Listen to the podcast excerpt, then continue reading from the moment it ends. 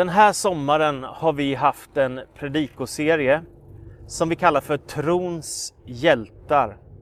Och vi har fokuserat på åtta olika gestalter som skildras i Hebreerbrevets elfte kapitel. Och de kallas hjältar därför att de vågade ge sig ut på ett rejält äventyr med Gud. De vågade ta risker, de vandrade i tro på Guds löften och de fick se mycket, mycket hända i deras liv tack vare deras mod och Guds godhet och trofasthet.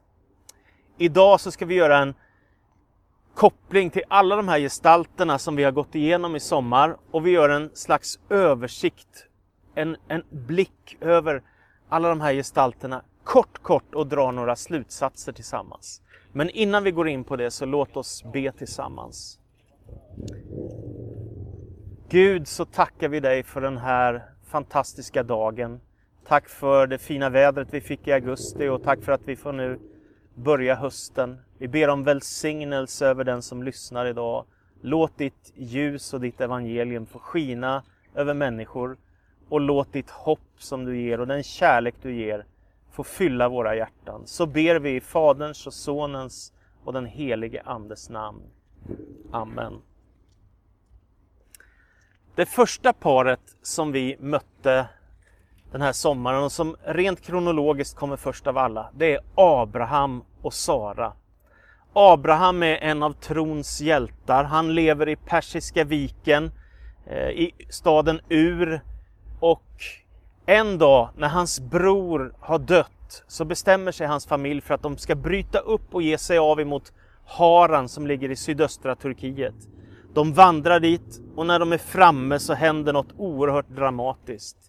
Gud talar in i Abrahams liv och han ger honom fyra löften. Jag ska välsigna dig, du ska få en löftesson, du ska bli ett stort folk och du ska få ett land där ni ska få leva. Så det är en oerhört dramatisk händelse i Abrahams liv. Och jag har stått där själv i Haran som ligger i sydöstra Turkiet, ganska nära Syriens gräns. Jag har bott där själv i lerhyddor och stått och tittat mot platserna där Abraham måste fått sin kallelse av Gud.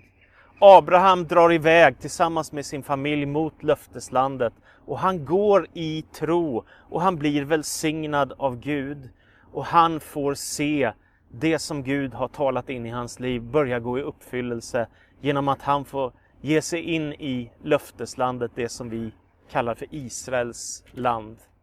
Det löftet fick han från Gud och det fullbordas i hans liv. Så, vad kan man dra för slutsatser av den här berättelsen om Abraham som brukar kallas trons fader? För det första, när Gud kallar på en så måste man våga gå i tro. Det är en helt avgörande sak att man vågar ta steg i tro så att det som Gud vill kan fullbordas i ens liv.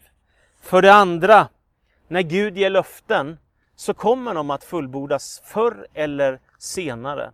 Och det tog faktiskt 25 år innan Abraham och Sara fick sin löftesson Isak och som sen fick barn i sin tur och så blir det Israels tolv stammar och så blir det ett stort folk. Och Abraham fick aldrig se hur stort Israels folk blev och, och att, när de ägde landet tillsammans utan han fick bara se början på det som Gud hade kallat honom till. Men han hade också ett löfte om ett himmelskt land som han fick komma till. Den andra gestalten som vi möter rent kronologiskt i Bibelns berättelse, det är Josef. Josef växer upp i en familj och han har en väldigt speciell situation därför att han har många, många bröder. Men hans pappa Jakob älskar Josef mer än alla andra söner. Och det ställer till problem i familjen. Och en dag så drömmer han en dröm att, att de andra i familjen böjer sig inför honom och att han har fått den viktigaste positionen av alla. Och till slut när Josef har gått fram som han gjorde, kanske i ovisshet, så börjar de hata honom så mycket att när de en dag är ute på vandring så slänger de ner Josef i en brunn för att han ska dö. Och där är de på väg att lämna honom. Men precis när de ska lämna honom och gå därifrån så kommer en egyptisk slavhandlare. Och han får köpa Josef istället. Så att Josef förs som slav till Egypten och sen så kommer han till slut till Puttifar som var en av faraos ledande gestalter i Egypten. Problemet är att, att det slutar inte där för att han blir oerhört populär. Josef var en väldigt vacker man och väldigt inflytelserik och duktig. Så han får snabbt stora förtroende. Men Puttifars hustru, hon vill försöka förföra honom. Och han vägrar på att förråda sin herre så att säga. Och då istället så bestämmer hon sig för att skrika högt att han försökte utnyttja henne som kvinna. Vilket gör att han hamnar i fängelse. Josef, han som var på väg uppåt, helt plötsligt sitter han i fängelse i mörker och svårigheter. Vad händer? Jo, det går lång tid och han blir bortglömd. Han som har fått ett löfte att han ska bli den mäktigaste i sin familj. Men sen händer detta att farao, kungen, han drömmer en dröm som han inte kan förstå vad den betyder. Och det finns ingen som kan uttyda den. Då kommer de på drömmaren Josef och de kallar på honom och han kan uttyda med Guds hjälp drömmarna som farao har fått.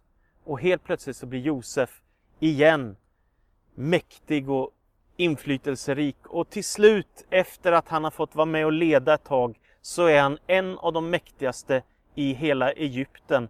Och hans egen familj som har drabbats av svält kommer till Egypten och där möter de Josef som nu är som en förste för nationen, precis som han en gång hade drömt. Vad kan man lära sig av Josefs liv?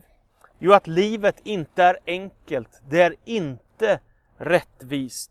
Att växa upp i en vanlig familj är heller inte alltid enkelt. Men Gud är god och Gud är trofast och han fullbordar sina löften förr eller senare. Precis som vi alla får gå igenom prövningar och svårigheter fick Josef göra det. Men till slut så fick han se en fantastisk välsignelse i sitt liv och det han hade drömt som ung, det fullbordades. Den tredje gestalten som vi möter, som vi har mött den här sommaren, det är Mose. Mose föds i en oerhört dramatisk tid. Det är en tid då kungen har beslutat sig för att alla små judiska barn ska dödas därför att han är rädd för att en messiasgestalt ska komma. Och, och så sker detta fruktansvärda, hemska dåd att mängder av judiska barn blir dödade. Men Moses föräldrar gömmer undan Moses och efter ett tag när de inser att det börjar bli för farligt så, så sätter de honom i vassen och han är i en korg där och, och han flyter iväg. Och hans syster följer efter för att se vad som händer och då är det så att faraos dotter hör att det är ett litet barn som skriker där i, i vattnet. Så hon tar upp barnet, bestämmer sig för att ta hand om barnet. Så Mose som ju skulle ha blivit dödad Istället växer han upp bland de mest mäktiga och inflytelserika i Egypten. Han blir som faraos dotters son helt enkelt. Men så kommer konflikter och svårigheter och, och en man ger sig på en av hans egna, hans eget folk och då hamnar han i konflikt som leder till döden för den här egyptiern och då måste Mose fly ut i öknen. Och så här tänker jag att livet kan vara ibland också. Man är som i ett paradis, man har de bästa förmåner, allt har gått väl, kanske med företaget eller med ledarskapet eller vad det nu är. Man har fått en inflytelserik position och man bara njuter av livets alla fördelar och allt rullar på som det ska och så helt plötsligt är man i öknen.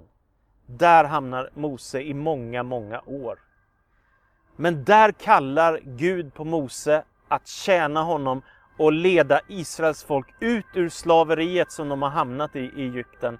Och Mose får kallelsen av Gud att gå till farao och säga släpp mitt folk.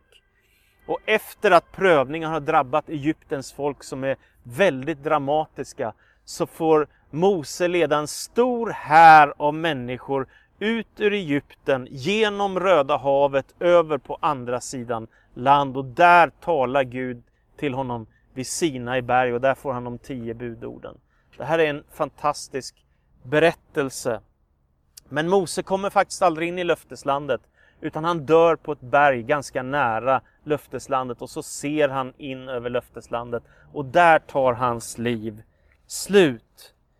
Och det står i Hebreerbrevet 11 och 27 att i tro lämnade han Egypten och fruktade inte kungens vrede utan höll ut därför att han liksom såg den osynlige. Jag tycker det är så vackert. Mose vandrade i tro som om han såg den osynlige guden. Gud var med honom, Gud kallade på honom och använde honom. Vad kan man lära sig av Mose liv? Jo, man kan lära sig att livet kan vara både palats och öken. Livet kan vara både stor framgång och kraftig motgång. Fantastiskt lyckliga dagar och djup, djup sorg. För det andra kan man lära sig att det inte alltid vi når våra mål som människor. Det händer att vi är på väg mot någonting stort i vårt liv, men vi når inte hela vägen fram. Och ändå hade Moses samma löfte som Abraham, att han skulle få komma till det himmelska, eviga löfteslandet där han fick träda in. Den fjärde personen som vi möter det är Rakav. Rakav är den fjärde i den bibliska kronologin när man läser de här texterna som vi har gjort och de här personerna vi har utvalt. Hon är en helt otippad person bland trons hjältar i Hebreerbrevet 11. Det är svårt att förstå varför väljer bibelförfattaren henne istället för Josua som ju var den som förde Israels folk in i löfteslandet och intog landet som Gud hade lovat dem. Nej, istället så väljer Hebreerbrevets författare en sköka, en prostituerad värdshuskvinna. Vad var hennes livsberättelse? Antagligen att hon ordnade med mat åt människor som var hungriga och hon lät människor för pengar utnyttja hennes kropp. Och det sägs om henne i historien att hon var väldigt, väldigt vacker. Så det kanske var en frestelse för människor som skulle förbi där och stanna upp hos henne och ge henne lite pengar för att få utnyttja henne. Det var hennes livshistoria. Men det som händer det är att Israel sänder ut spejare för att se på löfteslandet och när de gör det då, då tar de in hos henne och det kommer folk som förföljer de här spejarna och vill ta livet av dem och då räddar hon livet på dem genom att gömma dem i sitt hus. Och här börjar en slags omvändelse för Rakav därför att hon börjar öppna sig för Gud på ett nytt sätt. Istället för att vara prostituerad gifter hon sig med Boas och de får barn. Och helt plötsligt är Rakav med i Jesu Kristi släkttavla som vi kan läsa i ett av evangelierna. Hon som var prostituerad blir en gift kvinna och får bli med i Jesu släkttavla. Det är nåd, eller hur? Vad lär vi oss av Rakav? Vi lär oss att det är aldrig för sent att ändra på ett destruktivt livsmönster så länge vi lever här. En människa som lever ett oerhört mörkt liv kan vända om och hitta kärleken, godheten och det som är gott för en människa. För det andra, att människor kan börja handla i tro som har levt ett väldigt destruktivt liv. Att vända sig mot Gud och hjälpa andra människor trots att man själv tidigare har levt i mörker. Det femte paret, ledarparet som vi möter i den här kronologin, det är Debora och Barak. Det berättas också om dem i Hebreerbrevet och i Domarboken i Gamla Testamentet. De levde långt före Kristus, mer än tusen år före Kristus. Och det häftiga med Debora som var en profetissa, det var att hon blir ledare för Israels folk mer än 3000 år bakåt i tiden. Det är ju helt fantastiskt. Att, att kvinnor kan leda en nation nu, det förstår vi. Men att en kvinna kunde leda en nation för 3000, mer än 3000 år sedan, det är ju helt fantastiskt. Debora är unik på det sättet.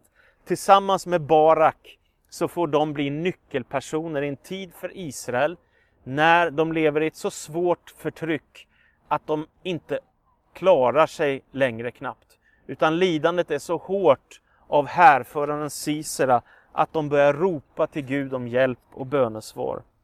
Och då hör Gud deras böner och Gud kallar på Debora och ger henne ett profetiskt tilltal och sen så kallar Bora på Barak som var befälhavare för Israel och som samlar en stor armé på 10 000 människor som besegrar det andra folket som fördriver dem och De lider ett svidande nederlag, vilket gör att Israel blir befriat från ett fruktansvärt, mörkt och hårt förtryck. Vad kan man lära sig av Debora och Barak? För det första, när vi ropar till Gud så kan han svara på vår bön och ge oss ett tilltal. För det andra, att både kvinnligt och manligt ledarskap behövs tillsammans och att när man vågar gå tillsammans i tro så kan Gud använda oss. Den sjätte och sista personen som skildras i den här serien vi har haft, det är kung David. Kung David är den yngste i en syskonskara. Han var en herdepojk, en ung pojk. Och man kan undra hur i hela världen han blev en av trons hjältar och en sån stor gestalt. Men han är den enda av Israels folk som vågar ge sig på Goliat, den store hädaren som är beredd att döda Israels folk och som hädar Gud och går emot Israels armé. Men den lille herdepojken, han vågar gå emot Goliat med sin slunga och med några stenar och han fäller den store giganten som faller till marken och Israels folk slipper alla de här prövningarna och det eländet som de har gått igenom. Sen blir kung David en gudsman. Han skriver ungefär hälften av saltarens alla sånger. Han tillber Gud, han älskar Gud och han lever för Gud. Han har förstått att Gud är hans högsta goda, trots att han har nått det högsta ämbetet. Ändå gör David brutala misstag. Till exempel som att han en dag ser en av sina soldaters hustru naken som ska bada och han blir så frestad att han ber henne komma till sitt hem och så är han otrogen. Och så vill han försöka dölja det som händer för att hon blir gravid så han ber soldaten komma hem men det går han inte med på. Så istället skickar han sin soldat i döden. Vilket ju är en fullständig hemsk och vidrig handling. Och David hade kunnat klara sig alldeles utmärkt undan detta om det inte hade varit så att en dag står profeten Natan framför honom och berättar om det som han har gjort. Och helt plötsligt så inser han vilken fruktansvärd handling han har begått. Och han ber om syndernas förlåtelse i psalm 51 och ropar till Gud om nåd och förlåtelse. Och så föds Salomo. Salomo kommer senare som son till David och Batseba. Och Salomo blir också en av Israels mäktigaste kungar som också kallas för Jedidja, Herrens älskade. När Hebreerbrevets författare har skildrat hela detta panorama så skriver han i Hebreerbrevets tolfte kapitel, vers 1. När vi nu är omgivna av en sån sky av vittnen, låt oss då även vi befria oss från allt som tynger, all synd som ansätter oss och hålla ut i det lopp vi har framför oss. Låt oss ha blicken fäst på Jesus Kristus, trons upphovsman och fullkomnare. För att vinna den glädje som väntade honom uthärdade han korset utan att bry sig om skammen och sitter nu till höger av Guds tron. Tänk på honom som har uthärdat sådan fiendskap från syndare så att ni inte tröttnar och förlorar modet. Till slut, det är här som allting sammanfattas. Om det är så för dig att det inte räcker med alla de här förebilderna som har vandrat i tro med Gud, så kan du till slut fokusera på Jesus Kristus själv. Om det inte räcker att se på gestalter som Josef, Mose, Abraham, Sara, Rakav och alla de här, så kan du till slut vända dig till Jesus Kristus själv, som uthärdar korset för vår skull, för vår frälsning, så att vi ska kunna få liv. Och han uppstår från de döda. Han far upp till himlen och sätter sig på Gud, Faders högra sida och därifrån regerar han i makt. Därför kan jag säga till dig, det finns hopp i Jesus Kristus. Och du behöver inte ge upp även om ditt liv ser mörkt ut. Därför att det finns en som är uppstånden, en som har dött för dig och en som sitter på tronen. Så ge inte upp, därför att Jesus Kristus är trons upphovsman och fullkomnare. Gud välsigne dig.